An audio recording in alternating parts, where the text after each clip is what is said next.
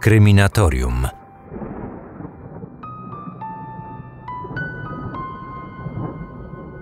To jeden z kolejnych odcinków, który nie powstałby, gdyby nie wy, słuchacze. Jakiś czas temu odezwał się do mnie pewien użytkownik, który przedstawił się jako Adam. Wiadomość dotyczyła tematu z propozycją na podcast. Chodziło o sprawę sprzed 11 lat. Zazwyczaj wszelkie tego typu wiadomości, propozycje, które spływają do mnie, czy to na profil na Instagramie, czy to na maila, zapisuję na specjalną tematyczną listę, aby wrócić do tych notatek na spokojnie za kilka tygodni, gdy będę już kompletować tematy na scenariusze do nowych odcinków. Tym jednak razem było inaczej.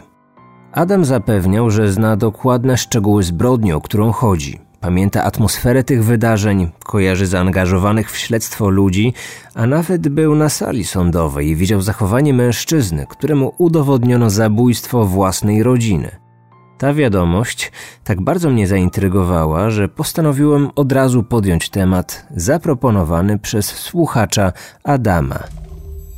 Kryminatorium. Otwieramy akta tajemnic. Dęblin położone nad Wisłą niewielkie miasteczko. Powiat rycki, województwo lubelskie. Mieszka tam zaledwie 16 tysięcy mieszkańców. Dęblin znany jest w Polsce głównie przez to, że jest tutaj słynna na całą Polskę szkoła Orląt, czyli Lotnicza Akademia Wojskowa. Tutaj uczą się zawodu młodzi piloci. Pewnie wielu chłopców marzy o tym, aby trafić do tej elitarnej placówki. Wydarzenia, o których za chwilę będziemy mówić, miały miejsce w 2009 roku. To właśnie wtedy nagłówki w mediach informowały o brutalnym morderstwie.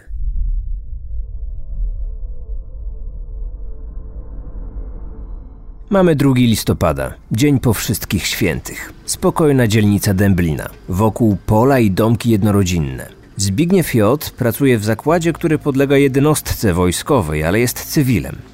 Jego dom, w którym mieszka wraz z żoną Haliną, synem Karolem i z teściową Wacławą, to skromny, prostokątny budynek z czerwonej cegły. Starsze córki zdążyły się już wyprowadzić i założyć własne rodziny. Przed domem jest niewielki ogródek. Działkę otacza zielony, metalowy płot. Sąsiedzi mówili o nich, że to zgodna rodzina. Gdy mężczyzna tego dnia wraca z pracy, zauważa pożar – Ogień wydobywa się z jego własnego domu. Chociaż wokół są inne domostwa, dopiero on zauważa niebezpieczeństwo. Wybiera numer alarmowy. Przez telefon opisuje zdarzenie i dodaje do tego spostrzeżenie, że to prawdopodobnie wybuch gazu. Strażnicy nie mieli wiele pracy przy gaszeniu. Płomienie były niewielkie, nie było ich nawet widać z zewnątrz budynku. W środku tlił się niewielki ogień, który zajął sprzęt elektroniczny, zeszyty i porozrzucane po mieszkaniu ubrania. Sytuacja wyglądała więc na taką ze szczęśliwym zakończeniem. Dopóki strażacy nie weszli do środka, bo we wnętrzu domu były trzy martwe ciała. Po wejściu do mieszkania nie pamiętam, w którą stronę się udałem czy do kuchni, czy do pokoju. To relacja strażaka, który był na miejscu pożaru. Jego wypowiedź znajduje się w materiale zamieszczonym w serwisie YouTube przez lokalny serwis Niezależny Lublin. To fragment zeznań z rozprawy sądowej przeciwko Zbigniewowi J. Słowa świadka przytacza aktor. Zauważyłem leżącą osobę na podłodze w kuchni. Następnie w drzwiach do pokoju po prawej stronie był tam mężczyzna leżący twarzą do ziemi, młody po przejściu przez kuchnię był następny pokój. Na łóżku leżało ciało kobiety. Wchodząc do mieszkania były ślady krwi prowadzące od drzwi wejściowych do kuchni, znajdujące się po lewej stronie. Pierwszą martwą osobą, o której mówi strażak, jest Wacława, 89-letnia teściowa Zbigniewa J. Kobieta otrzymała dziewięć ciosów siekierą, większość w głowę. Ciało przykryto kołdrą. Młody mężczyzna to syn, Karol. Otrzymał dwa ciosy siekierą. Żona, 47-latka, zabita prawdopodobnie jako pierwsza, otrzymała siedem ciosów. Jej ciało skrępowane było taśmą klejącą. Leżała na łóżku głową w dół. Krew ofiar znaleziono na podłodze, grzejniku, meblach i ścianach. Dobór narzędzia zbrodni, charakter obrażeń to wszystko mogło świadczyć o ogromnych emocjach i agresji ze strony mordercy. Staje się więc jasne, że pożar mógł być sposobem na zatarcie śladów brutalnego morderstwa. O sprawie oczywiście natychmiast rozpisały się media, w tym lokalny tygodnik z powiatu ryckiego. Twój głos. Temat dostał początkujący wtedy dziennikarz Adam Jabłoński. Na starcie swojej kariery musiał zmierzyć się z tak niezwykle trudnym zadaniem. Dla mnie ta sprawa była ważna z kilku powodów. Raz, że sam mieszkałem przy ulicy yy, Polnej. To właśnie Adam był tym słuchaczem, który odezwał się do mnie na Instagramie i opowiedział o okolicznościach tej strasznej, jak się za chwilę przekonacie, tajemniczej sprawy. Ja znałem tych ludzi z widzenia, znałem tą rodzinę. E, nie była to jakaś znajomość bliska, powiedzmy takie, no takie typowe dzień dobry. Mm, nie wiem, spotykaliśmy się w sklepie nieraz i, i, i, i tego typu rzeczy. Dwa, że zacząłem wtedy pracę w lokalnym tygodniku Twój Głos, tygodnik powiatu ryckiego. I to był sam początek mojej, mojej pracy w, w tej lokalnej gazecie. Zbrodnia wyrywa lokalną społeczność z ustalonego porządku. Kilkudziesięciu policjantów przeczesuje teren w poszukiwaniu śladów i narzędzia zbrodni. Dom i ulica odgradzane są policyjnymi taśmami. Słychać szczekanie tropiących psów. Sprawę śledzą wszyscy. Każdy chce dowiedzieć się czegoś więcej. Sąsiedzi snują swoje własne hipotezy na temat potencjalnego sprawcy. Nie zawsze pojawia się w nich ojciec rodziny. Przecież Zbigniew J. był spokojnym i kulturalnym mężczyzną. Trudno uwierzyć, aby ktoś taki dokonał takiego czynu. To była absolutnie zwyczajna e, rodzina, jakby to dziś powiedziała młodzież taka randomowa.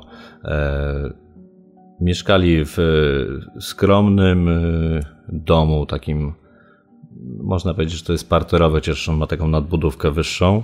Zwykła, najzwyklejsza rodzina, e, nie, nie była to rodzina e, zamożna, e, spokojna. Ja Zbigniewa J. pamiętam jako człowieka takiego zamkniętego, skrytego, cichego, który chodzi do pracy na siódmą, wraca o piętnastej, chodzą do kościoła co niedzielę.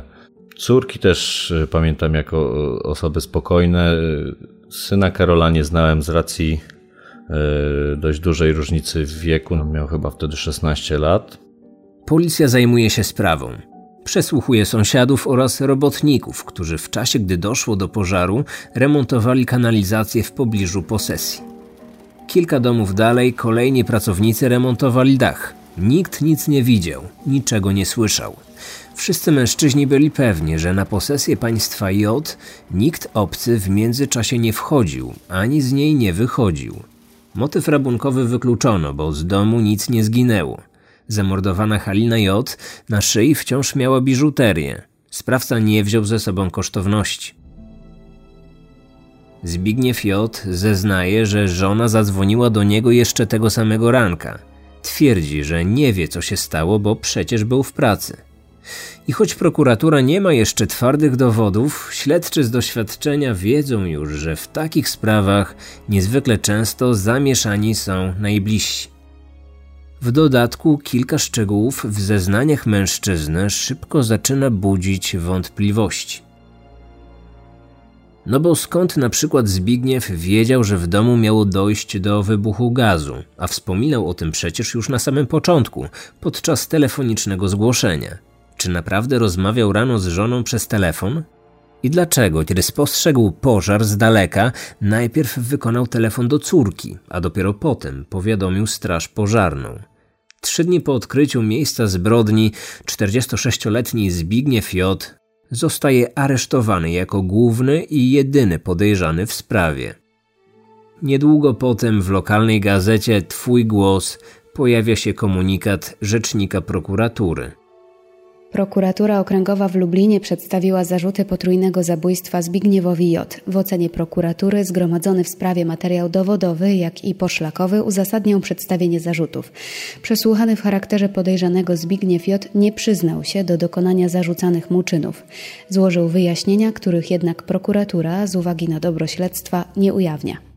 Czy to możliwe, że Zbigniew J. zamordował swoją rodzinę, po czym wśród ciał ukochanych bliskich zjadł śniadanie, zaplanował wybuch i spokojnie ruszył do pracy? W tę wersję nie chcieli uwierzyć bliscy zabitej rodziny. W 2011 roku na stacji Crime Investigation Polsat pojawił się reportaż Jestem niewinny. W materiale wypowiadali się krewni Zbigniewa. Oto słowa siostry oskarżonego. Po tym zdarzeniu, jak usłyszałam, że mojego brata oskarżyli, to pierwsze co pomyślałam, to że po prostu to był wyrok skierowany na inną rodzinę. Po prostu to było pomyłkowo. Pomylili się, to nie ten dom. Lokalna społeczność zaczęła spekulować, że być może za wszystkim stoi jakiś szaleniec albo żądny zemsty nieznajomy, który włamał się do domu, zabił wszystkich i wrobił w zbrodnie głowę rodziny. No to rodzi się pytanie o motyw po co wrabiać e, zwykłego człowieka. Chociaż tam były niejasne sprawy, ponieważ kilka czy kilkanaście dni wcześniej jednej z córek ktoś podpalił samochód, ktoś otruł też im psa, co też rodzi e, różne domysły, czy to łączyć z tą sprawą, czy nie. Ostatecznie policja uznała jednak, że te tajemnicze incydenty, o których mówił Adam, nie miały związku z potrójnym morderstwem. Według śledczych najprawdopodobniej był to zbieg okoliczności. W niecałe dwa lata po niezrozumiałej zbrodni opinia publiczna w końcu dowiaduje się czegoś nowego. Rozpoczyna się proces. Policja nie dysponuje żadnymi twardymi dowodami, ale sędzia prowadząca te sprawy w sądzie okręgowym w Lublinie uzna ciąg zdarzeń przedstawiony przez oskarżycieli za spójny i logiczny. W rozprawach udział bierze Adam Jabłoński. Na winę Zbigniewa J. wskazuje głównie czasy zgonu ofiar. Mężczyzna był w pracy w ciągu dnia, a zbrodni najprawdopodobniej dokonano w godzinach nocnych. Sugerowało to, że w momencie ich popełnienia Zbigniew musiał być na miejscu lub przynajmniej spotkać sprawcę. Okazało się także, że Zbigniew okłamał śledczych w sprawie rozmowy, którą rzekomo odbył z żoną już po wyjściu z domu. Telefon Haliny J wyłączył się, jak to powiedzieli biegli w sposób nagły, jak potem określono, został po prostu uderzony siekierą w nocy. A on chyba nawet potem mówi, że ona do niego rano dzwoniła, co było niemożliwe.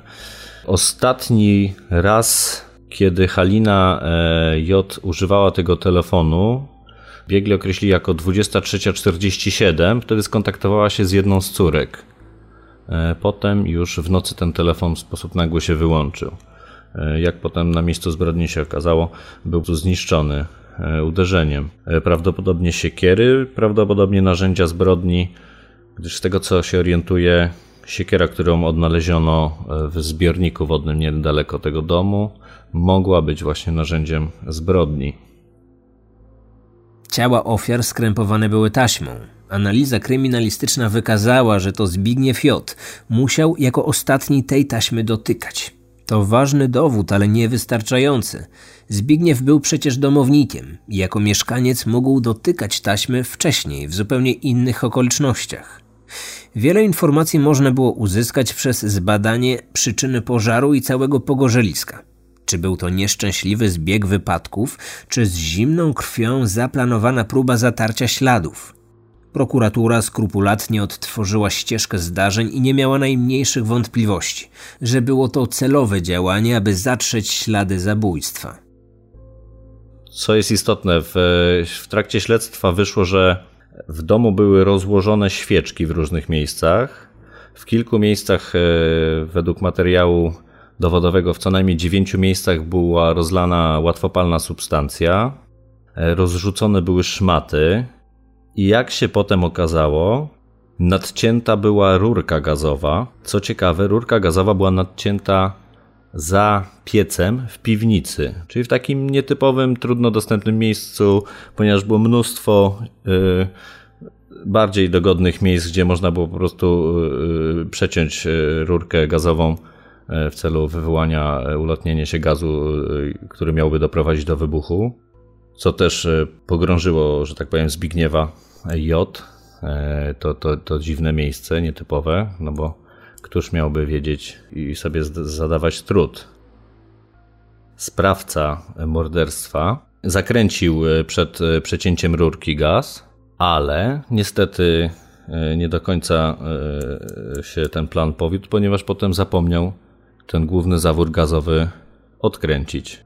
Dlatego ten pożar nie był duży i po prostu zapaliły się jakieś takie powierzchowne rzeczy, Istotną jest też rzeczą, że to Zbigniew J. był tym, który tą instalację w tym domu zakładał, czyli znał się e, na instalacjach gazowych, wiedział jak to zrobić, e, wiedział gdzie przeciąć, e, jak to zrobić bezpiecznie, żeby, żeby samemu nie zginąć. Pod wpływem prawdopodobnie stresu tego głównego zaworu z powrotem nie odkręcił i nie doszło do wybuchu naprawdę takich dużo rzeczy, które wskazują, że naprawdę trzeba było poświęcić e, sporo czasu, żeby to wszystko przygotować. Z zeznań świadków wynika, że Zbigniew J. był niezwykle zazdrosny o żonę. Na ślub jednej z córek miał kazać jej zmniejszyć dekolt w sukience, bo według niego Halina wyglądała zbyt wyzywająco. Znajomi zeznali także, że podczas wspólnych imprez wielokrotnie byli świadkami sceny zazdrości w wykonaniu Zbigniewa. Sytuacje były na tyle niezręczne, że znajomi woleli nawet opuścić towarzystwo i pozostawić parę samą, aby doszło do porozumienia. Zaskakujące jest jednak to, że nie potwierdziła tego najbliższa rodzina. Odwrotne zdanie do świadków reprezentowała siostra skazanego oraz siostra zamordowanej kobiety w reportażu na Crime Investigation Polsat. Obie kobiety uważały, że małżeństwo Zbigniewa i Haliny było dosyć zgodne. Para miewała potknięcia. Owszem, ale mężczyzna nigdy nie przekraczał granicy chorobliwej zazdrości.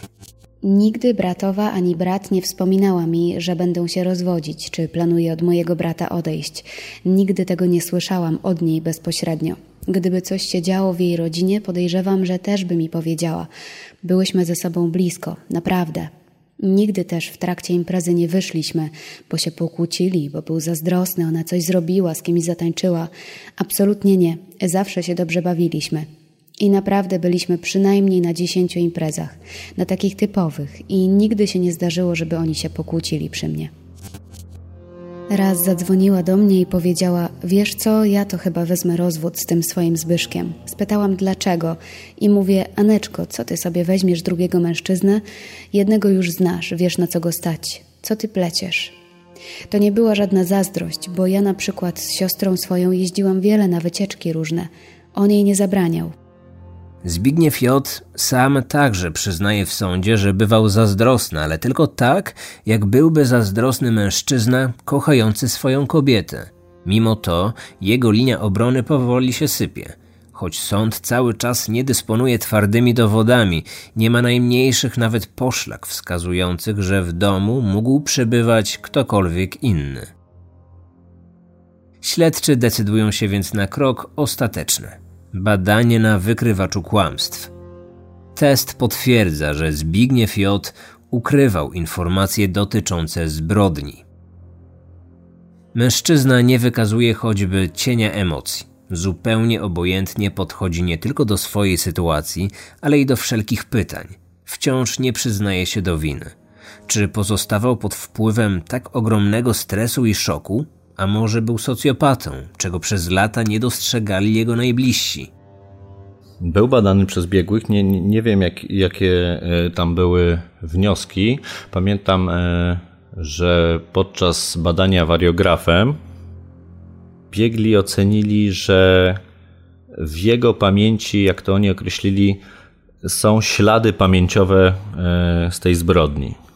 No to był taki łańcuch poszlak i Kolejną rzeczą, która pogrążyła Zbigniewa jest są jego własne słowa, gdy on zaczął przed e, śledczymi opowiadać scenariusz, co by zrobił potencjalny e, zabójca. I zaczął opowiadać. Uznali, że no, skąd może mieć takie wiadomości, że co by zrobił zabójcą, gdyby to nie on był tym zabójcą.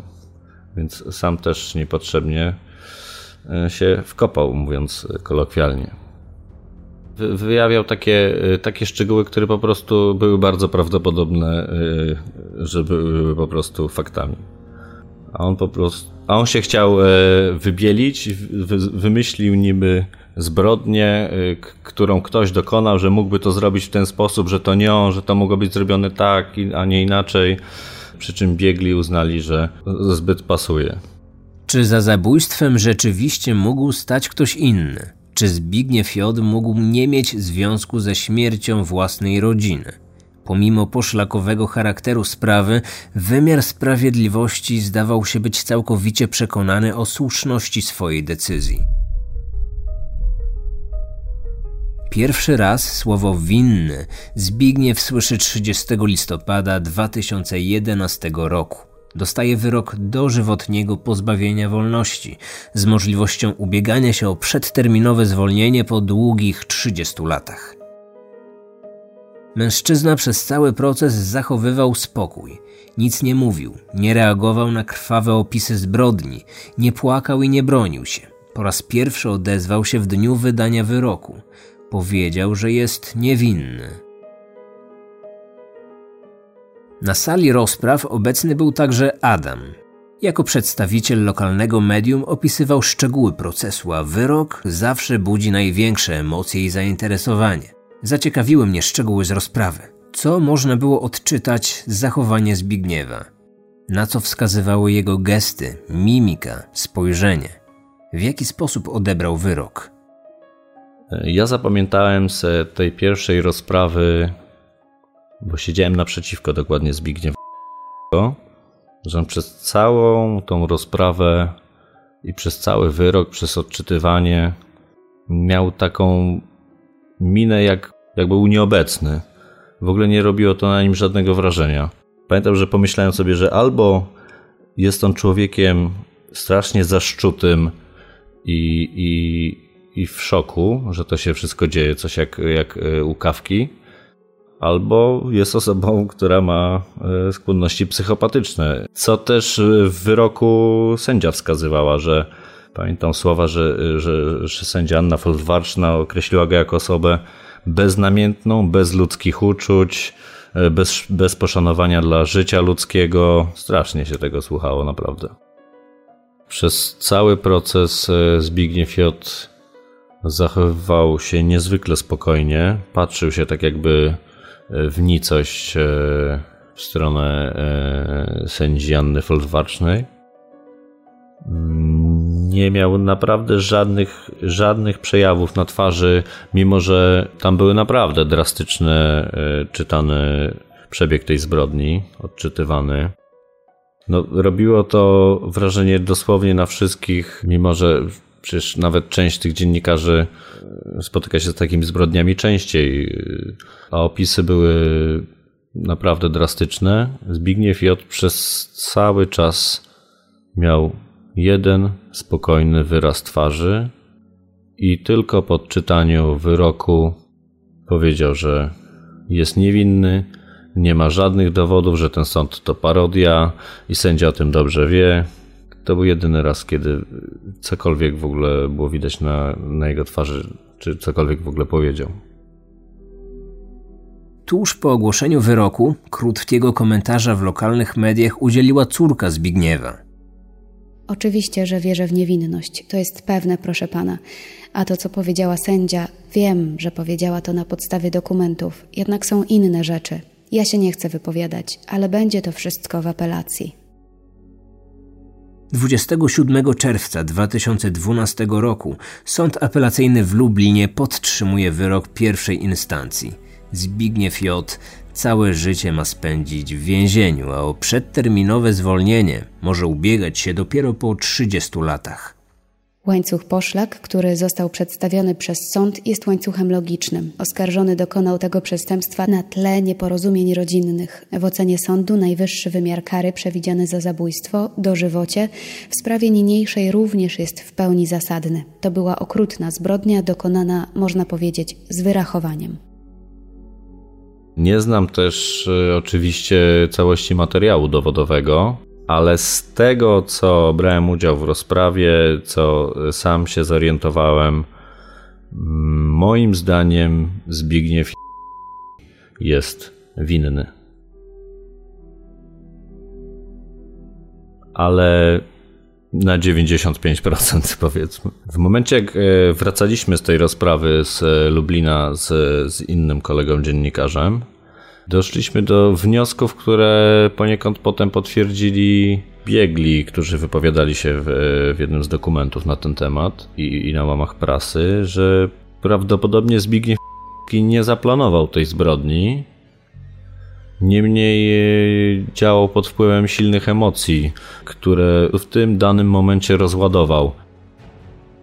Mówię, na co dzień to był po prostu tak spokojny człowiek, można powiedzieć niespotykanie spokojny człowiek. Naprawdę cichy, skryty, ale gdy się to zestawi z brutalnością tej zbrodni, z tym, że syn dostał tam chyba dwa ciosy minimum, żona dostała minimum 7 ciosów, a teściowa Wacława bodajże minimum 9 ciosów, przy czym większość tych ciosów to były ciosy w głowę no to mamy tu do czynienia naprawdę z silnymi y, i dużymi emocjami, więc y, to wyglądało jakby po prostu coś w nim pękło. Tak samo ku temu się skłaniali śledczy, że po rozmowie, wtedy kiedy ona rozmawiała z jedną z córek o tej 23.47 koło północy, pokłócili się i dalszy przebieg jest y, dość brutalny. Doszło to tam do totalnej masakry i, i wyrzutu bardzo silnych emocji. Zbigniew J. najwcześniej będzie mógł wyjść na wolność za 19 lat, jeżeli sąd wyrazi na to zgodę. Z wyrokiem nie do końca pogodziła się jedna z jego córek. Winę wciąż nie wierzyła także siostra Zbigniewa i siostra zamordowanej kobiety. Liczą one na to, że kiedyś na jaw wyjdą nowe fakty i przez to sąd trafi na prawdziwego sprawcę. Rodzina cierpi więc podwójnie – nie dosyć, że w tragicznych okolicznościach straciła trójkę najbliższych osób, to przez wątpliwości, które cały czas są związane z tą sprawą, nie mogą w pełni zamknąć tego rozdziału życia. Jeżeli macie ciekawe historie, z którymi chcielibyście się podzielić, podobnie jak Adam w dzisiejszym odcinku, to zapraszam do kontaktu. Znajdziecie mnie m.in. na Instagramie pod nazwą Marcin Myszka Kryminatorium lub swoje wiadomości możecie kierować na adres mailowy kryminatorium.gmail.com